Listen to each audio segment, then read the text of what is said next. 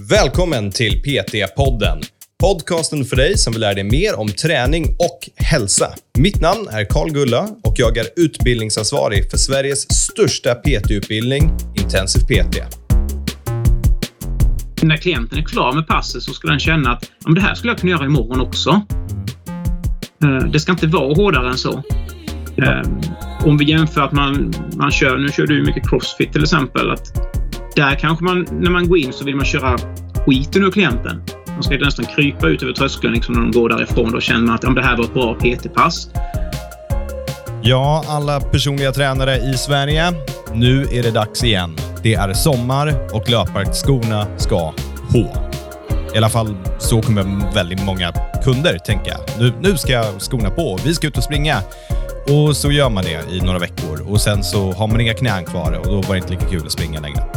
Så därför har vi tagit till vår konditionsexpert. Vi har Daniel Evaldsson och han ska berätta hur man tänker när man har PT-kunder som vill börja med nybörjarlöpning. Varsågoda.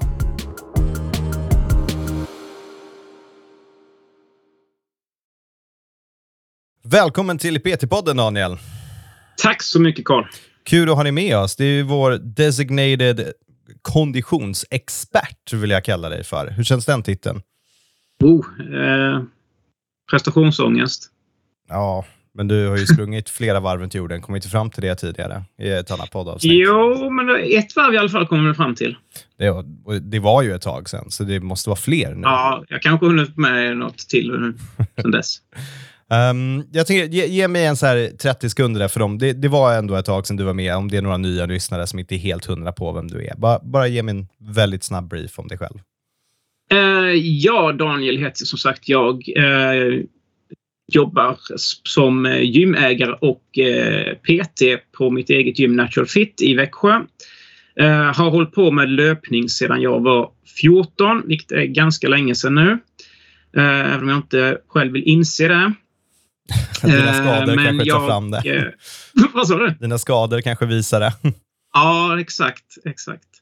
Um, I alla fall sprungit 30 Göteborgsvarv bland annat. Jag har varit med Jag har räknat någon gång på att jag har kört över, strax över tusen olika lopp på olika sätt. Eh, löpning, orientering, cykel, skidor. Mountainbike är väl i och för sig cykel också. Eh, och framförallt sista åren mycket OCR, hinderbana. Och du har väl en egen hinderbana i ditt gym också, eller hur?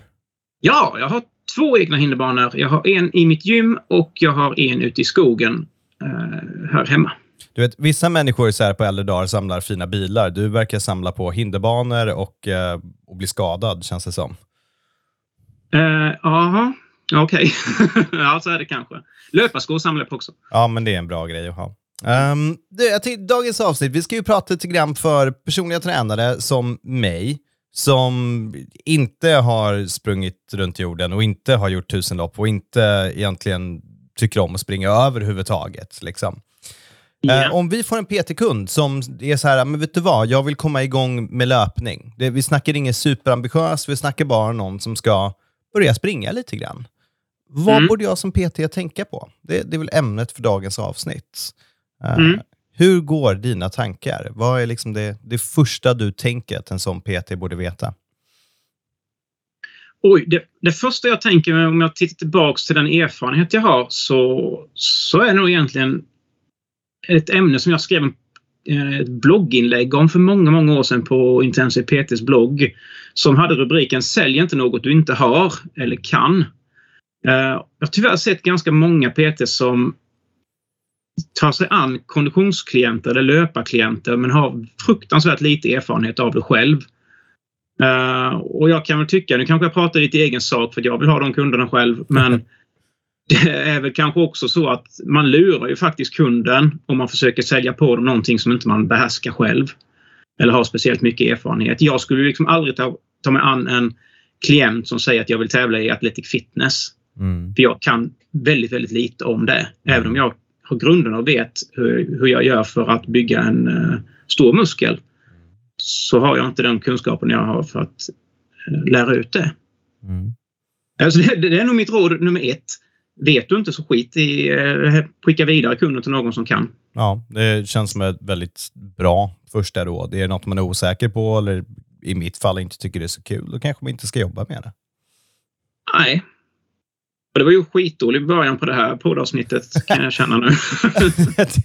men det är väl så här bra face to facts, hörni, liksom. Men lå, låt oss säga att det är så här då. Vi, vi flyttade vidare. Så det är en kund som Ja, men du vet, det, det är eh, min PT-kund som jag har haft i ett år här, som vill liksom komma igång med, eller fortsätta komma igång med träning. Men, men de vill börja springa lite grann. Då, någon har tvingat dem att anmäla sig till, jag vet inte, Lidingöloppet eller vad det nu ska vara. Liksom.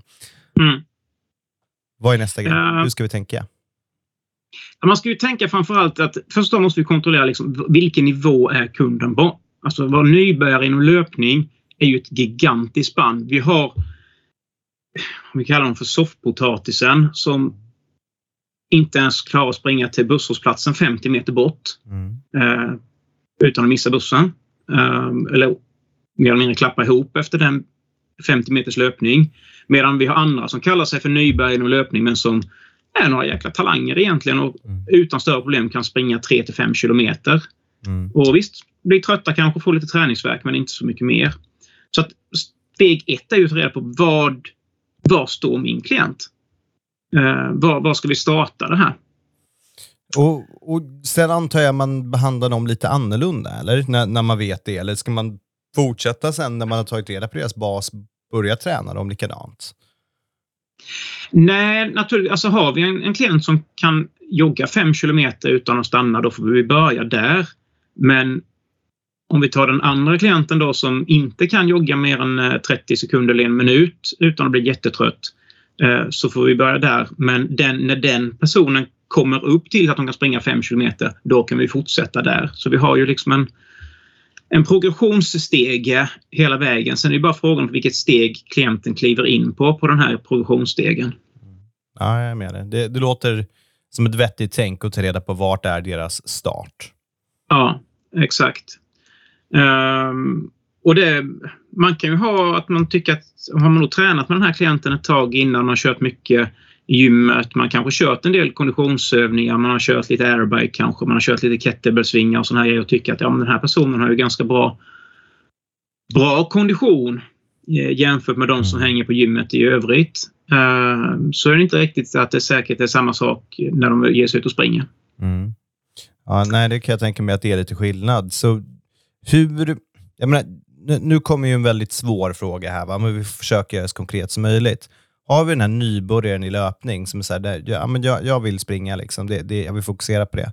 Vad, vad är en rimlig antal pass för den personen att göra innan knäna och allting börjar ta lite för mycket stryk? Um, ja, man kan väl säga att två till tre pass i veckan Eh, är väl en rätt lagom start och någonstans 20 till 30 minuter per gång. Mm. Eh, där någonstans är väl en lagom start att börja på. Sen får man ju se, vissa är ju väldigt skadebenägna. Eh, då kanske det är alldeles för mycket medan andra är, kanske göra det dubbla utan problem. Men där, där skulle jag inte rekommendera någon nybörjare att ge sig på så mycket. Och det är väl det, ett av de vanligaste problemen med folk som sätter igång och tränar löpning på egen hand. Att nu kommer sommaren, nu är det skönt, man är ledig på semester. Nu jäklar ska jag träna. Och så man ser ut och springer 5-7 kilometer varje dag. Mm. Och så hinner man inte ens med första veckan och sen är man skadad. Det, där, det är så ofta det sker, upplever jag. Så, som man ja. hör det här. Särskilt för jag som driver ett gym och pratar med folk på gym. Så är det, ah, men jag ska löpa den här sommaren. Ja, ah, men super, ta det lugnt. Så är de tillbaka två veckor senare, det blir ingen mer löpning för mig. Det händer konstant. Mm. Det, det, är en sån klassiker. Liksom, så att, eh, Tyvärr är det så. Men eh, nästa råd jag skulle ge där egentligen så, så tycker jag att då som jag sa innan, man ska försöka sikta på 20-30 minuter i alla fall, inte längre. Uh, för då, då, blir det oftast väldigt jobbigt och, och det räcker någonstans där 20-30 minuter. Uh, sen ser jag många också som ger sig ut och så springer man ett varv på elljusspåret eller vad det nu är för slinga man har mm. som är 2-3 kilometer. Uh, är man inte helt urusel tränare så gör man ju det på 10-15 minuter. Mm. Kanske upp mot 20 men knappt. Oftast blir det 10-15 minuter och så är man nöjd med det. Och det, det blir oftast lite för lite. Så jag skulle hellre säga att försök vara ute lite längre tid. Eh, men varva då hellre lite, lite löpning med gång. Mm. Så att man kanske eh, joggar fem minuter eller en minut eller vad man nu tycker är lagom. Och sen så går man någon minut och sen så joggar man igen så att man varvar det så att man får lite mer duration på träningen. För det är då det börjar liksom ackumuleras. Att de här promenaderna som man gör, det blir en del av träningen också även om man återhämtar sig under den tiden. Men eh, hjärta, lungor, blod och så vidare får jobba fortfarande så vi får träningseffekt på det under den tiden också. Ja, absolut. Och som du säger, är det så att någon bara kan springa i tio minuter, det, om inget annat så kanske det känns som ett ganska tråkigt träningspass. För man känner inte att man har tagit i så mycket. Och kunna splitta upp det med att gå och springa, då blir det mycket längre och det kommer nog upplevas som att man har tränat mer, om ingenting annat, och vara lite roligare att fortsätta med. Ja, så är det ju definitivt.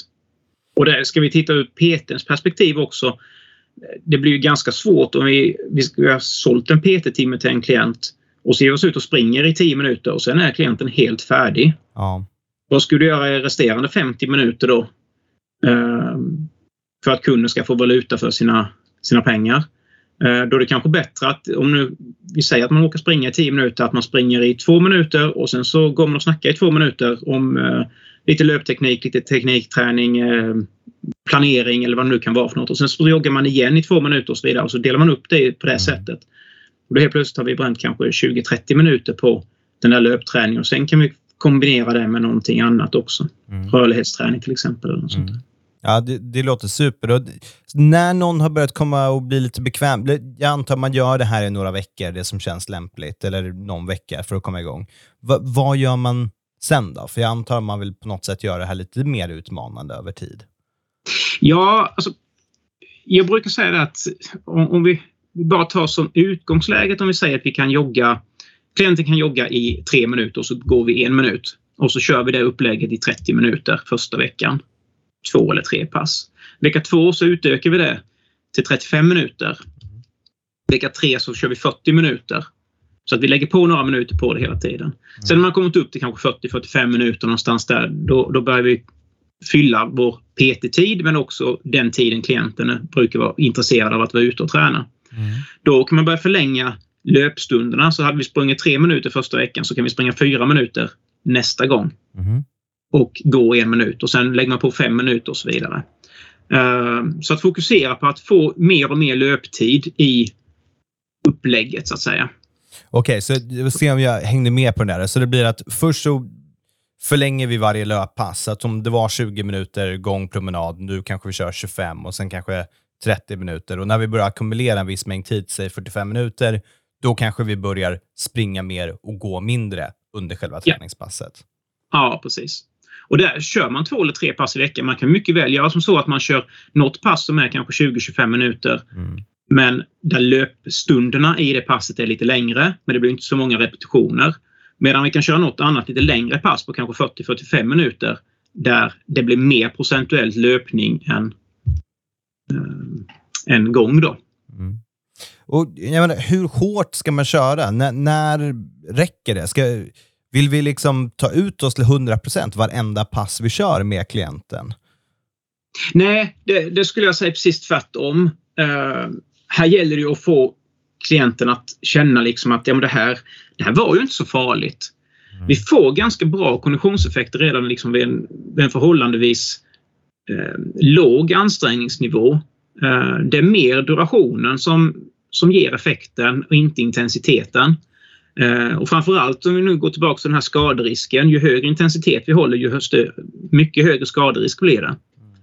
Eh, så jag skulle säga håll en ganska låg intensitet och eh, jobba med durationen istället.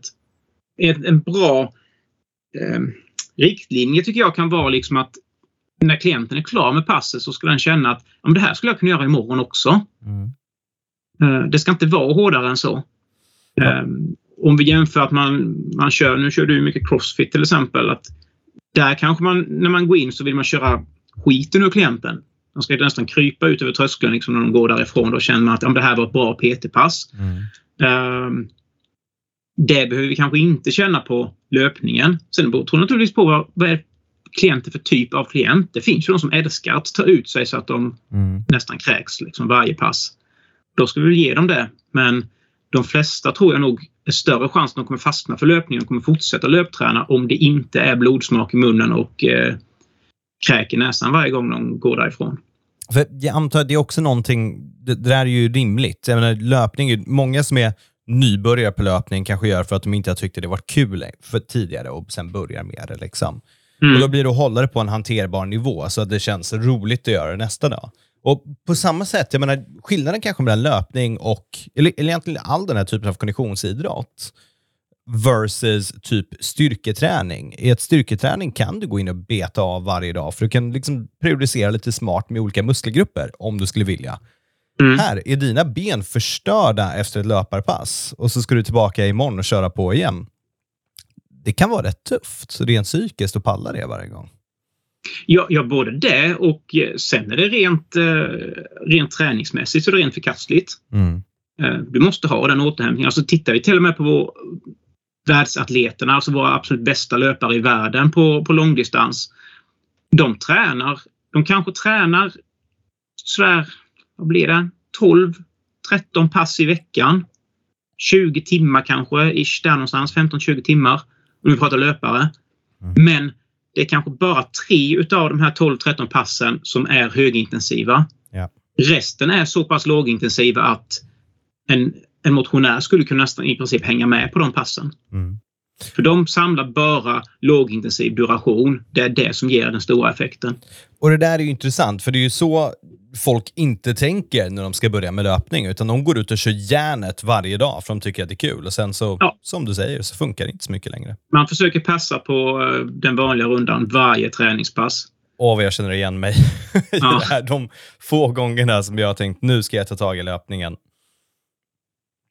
Um, så, så man ska inte träna varje dag, eller? Det, det är så det låter som. Nej, nej det, och det är ju väl grundläggande träningslära egentligen med nedbrytning och återhämtning. Eh, bryter du ner varje dag så kommer du inte hinna återhämta dig och då kommer du inte få de effekterna. Eh, de, de, stora effekterna som vi får på konditionsträning det är ju framförallt hjärtats eh, slagvolym och eh, i blodet och mitokondrietillväxten. Eh, de funkar ju på i princip samma sätt som när vi pratar muskelanpassning för styrketräning. Och eh, du kan ju inte köra samma muskel varje dag. Kör du bicepscurl varje dag så kommer det inte bli så stora biceps utav det. Nej, man behöver den där återhämtningen. Uh, jag, ja. jag, tänker, om vi ska ta lite mer specifika tips för nu då? För menar, det är väl nu folk börjar med den här löpträningen. Liksom sommar, vår, den liksom känslan. Då jäklar ska man vara igång. Vi snackade ju om att det var vadå, 27 grader och vi var tvungna att stänga av AC'n för att spela in de här avsnitten nu. Liksom. Mm. Jag antar att att gå ut och springa under lunchen kanske inte är det smartaste att göra under det som nu är svensk sommar, då det nästan är 30 grader varmt ute. Nej, det kommer ju bli betydligt jobbigare än vad det behöver vara. Uh, och det, det, märker man ju på många, många som är vana löpare också, att det går mycket, mycket tyngre nu när det är så här pass varmt man inte är van vid det. Så det krävs ju ganska mycket akklimatisering innan man, man fixar det. Så att kan man eh, skjuta på det där löppasset, antingen att man kör på kvällen när det börjar svalna av lite grann eh, eller också att man kör det direkt på morgonen när det fortfarande är hyfsat svalt också så, så kommer det bli lättare. Eh, det är ju tyvärr inte som så att vi får bättre träningseffekt av att vi springer när det är riktigt jäkla varmt. Mm. Ja, något är det väl bara väldigt, väldigt mycket jobbigare. Ja, det, det, är väldigt mycket jobbigare och det, du kommer springa långsammare och du kommer bli, få det jobbigare och du, ja, egentligen skulle jag nog säga att du får en sämre träningseffekt för du kommer hålla lägre intensitet. Mm. Uh, så att nej, man ska försöka undvika det. Sen ibland går det kanske inte utan man, man vill sticka ut och köra då, ja då får man ju ta den smällen. Liksom. Då får man ta av sig tröjan och jobba på brännan samtidigt? I ja, det kan ju vara en bra idé ju. Så slipper man eh, cykelbrännare eller bonnabrännare vad vi nu kallar det för. Vad mer ska vi PTs tänka på om vi har kunder som liksom säger att ja, vi börjar med löpning nu under sommaren? Det, jag, jag antar drick mycket vatten, men finns det andra vanliga fallgropar? Oj, ja, när det gäller vattnet och, och, vätskan så drick efter törst. Det är väl det man har kommit fram till liksom är det absolut bästa eh, rådet idag. Um, kyla ner sig överhuvudtaget kan man bara, är det väldigt varmt ute, blöt ner tishan innan du sticker ut. Uh, kan vara en bra idé. Uh, keps är inte fel för att skydda huvudet mot solen. Mm. Uh, beroende på lite hur mycket hår man har naturligtvis. Men någonting som skyddar mot solen över huvudet kan vara skönt att ha. Den kan också vara rätt skön att, att blöta ner så att den är fuktig. Har man möjlighet att doppa den i ett dike eller en sjö eller något sånt där på vägen så kyler det också ner. Mm. Jag vet att det finns lite studier som har visat att man, man kyler handlederna så, så ger det rätt så bra effekt också på nedkylningen för där ligger blodkärlen väldigt ytligt. Så att, uh, finns några, jag tror det var intervaller de testade att de som mellan, i pauserna mellan intervallerna kylde handlederna med kallt vatten eh, presterade bättre på intervallerna än de som inte gjorde det till exempel. Mm. Och Det skulle man mycket väl kunna utnyttja när man springer själv också. Man, säg man springer förbi en liten sjö eller något vattendrag och sånt. Att bara doppa händerna och kyla ner dem kan funka. Mm. Ja, det är supertips. Uh, jag antar, håll dig så sval som möjligt egentligen i stort sett. Ja, men det är det ju. Uh, och kan du välja mellan att springa i skogen där det är lite skugga och så här eller springa ute på öppna fält eller i, i stan där stolen steker så, så välj skuggan. Ja. Uh, men det är väl ganska logiska tips egentligen. Ja, men det är bra grejer att tänka på. Det, jo, det kan ge våra kunder lite extra tips till vad de ska tänka. Kyl ner, men bara att doppa en keps i vatten, det är ju...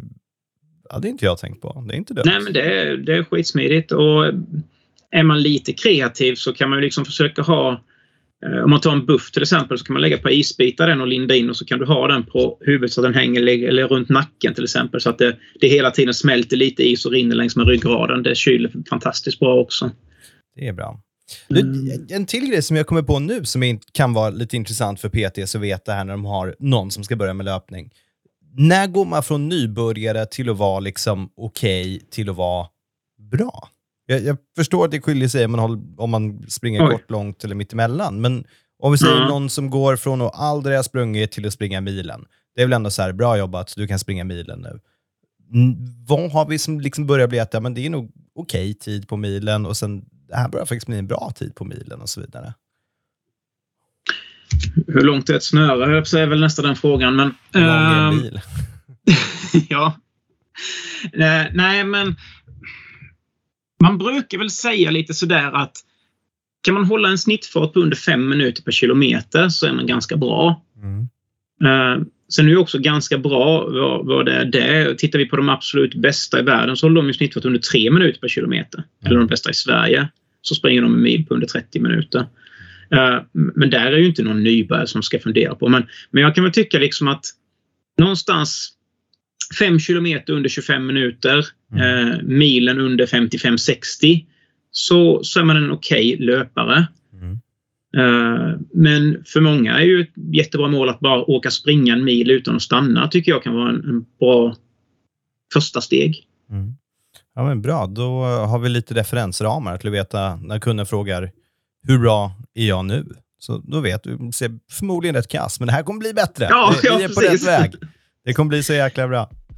Ja, Daniel, jättestort tack för att du ville dela med dig av det här. Jag tror jag är nästan, nästan så pass inspirerad att uh, gå ut och springa och knyta på skos, skoskarna nu, men det, det, är varmt, så vet du vad? Jag tänker ta ditt tips. Jag tänker vänta till skuggan, jag tänker vänta till kvällen och sen tänker jag doppa all, hela mig i vatten och gå ut och springa. Ja, ett bra tips är att springa till badplatsen och så tar man ett dopp och sen så springer man hem igen. Ja, det är exakt vad jag tänker göra. Det låter helt magiskt när det nästan är 30 grader ute. Ja. Stort tack för att du ville vara med. Stort tack för att jag fick vara med. Alltid lika kul. Ja, I det här avsnittet så sa ju Daniel att man inte ska sälja någonting man inte har. Eller med andra ord, lär dig mer om du vill faktiskt kunna sälja personlig träning där dina kunder ska springa lite då och då. Och är det så att du praktiskt vill lära dig lite mer om hur man lägger upp löpträning, då ska du gå in på runningacademy.se. Det här är Daniel Evaldssons sida där han kan hjälpa dig med din löpning och det finns ju självklart en länk till det i show notesen.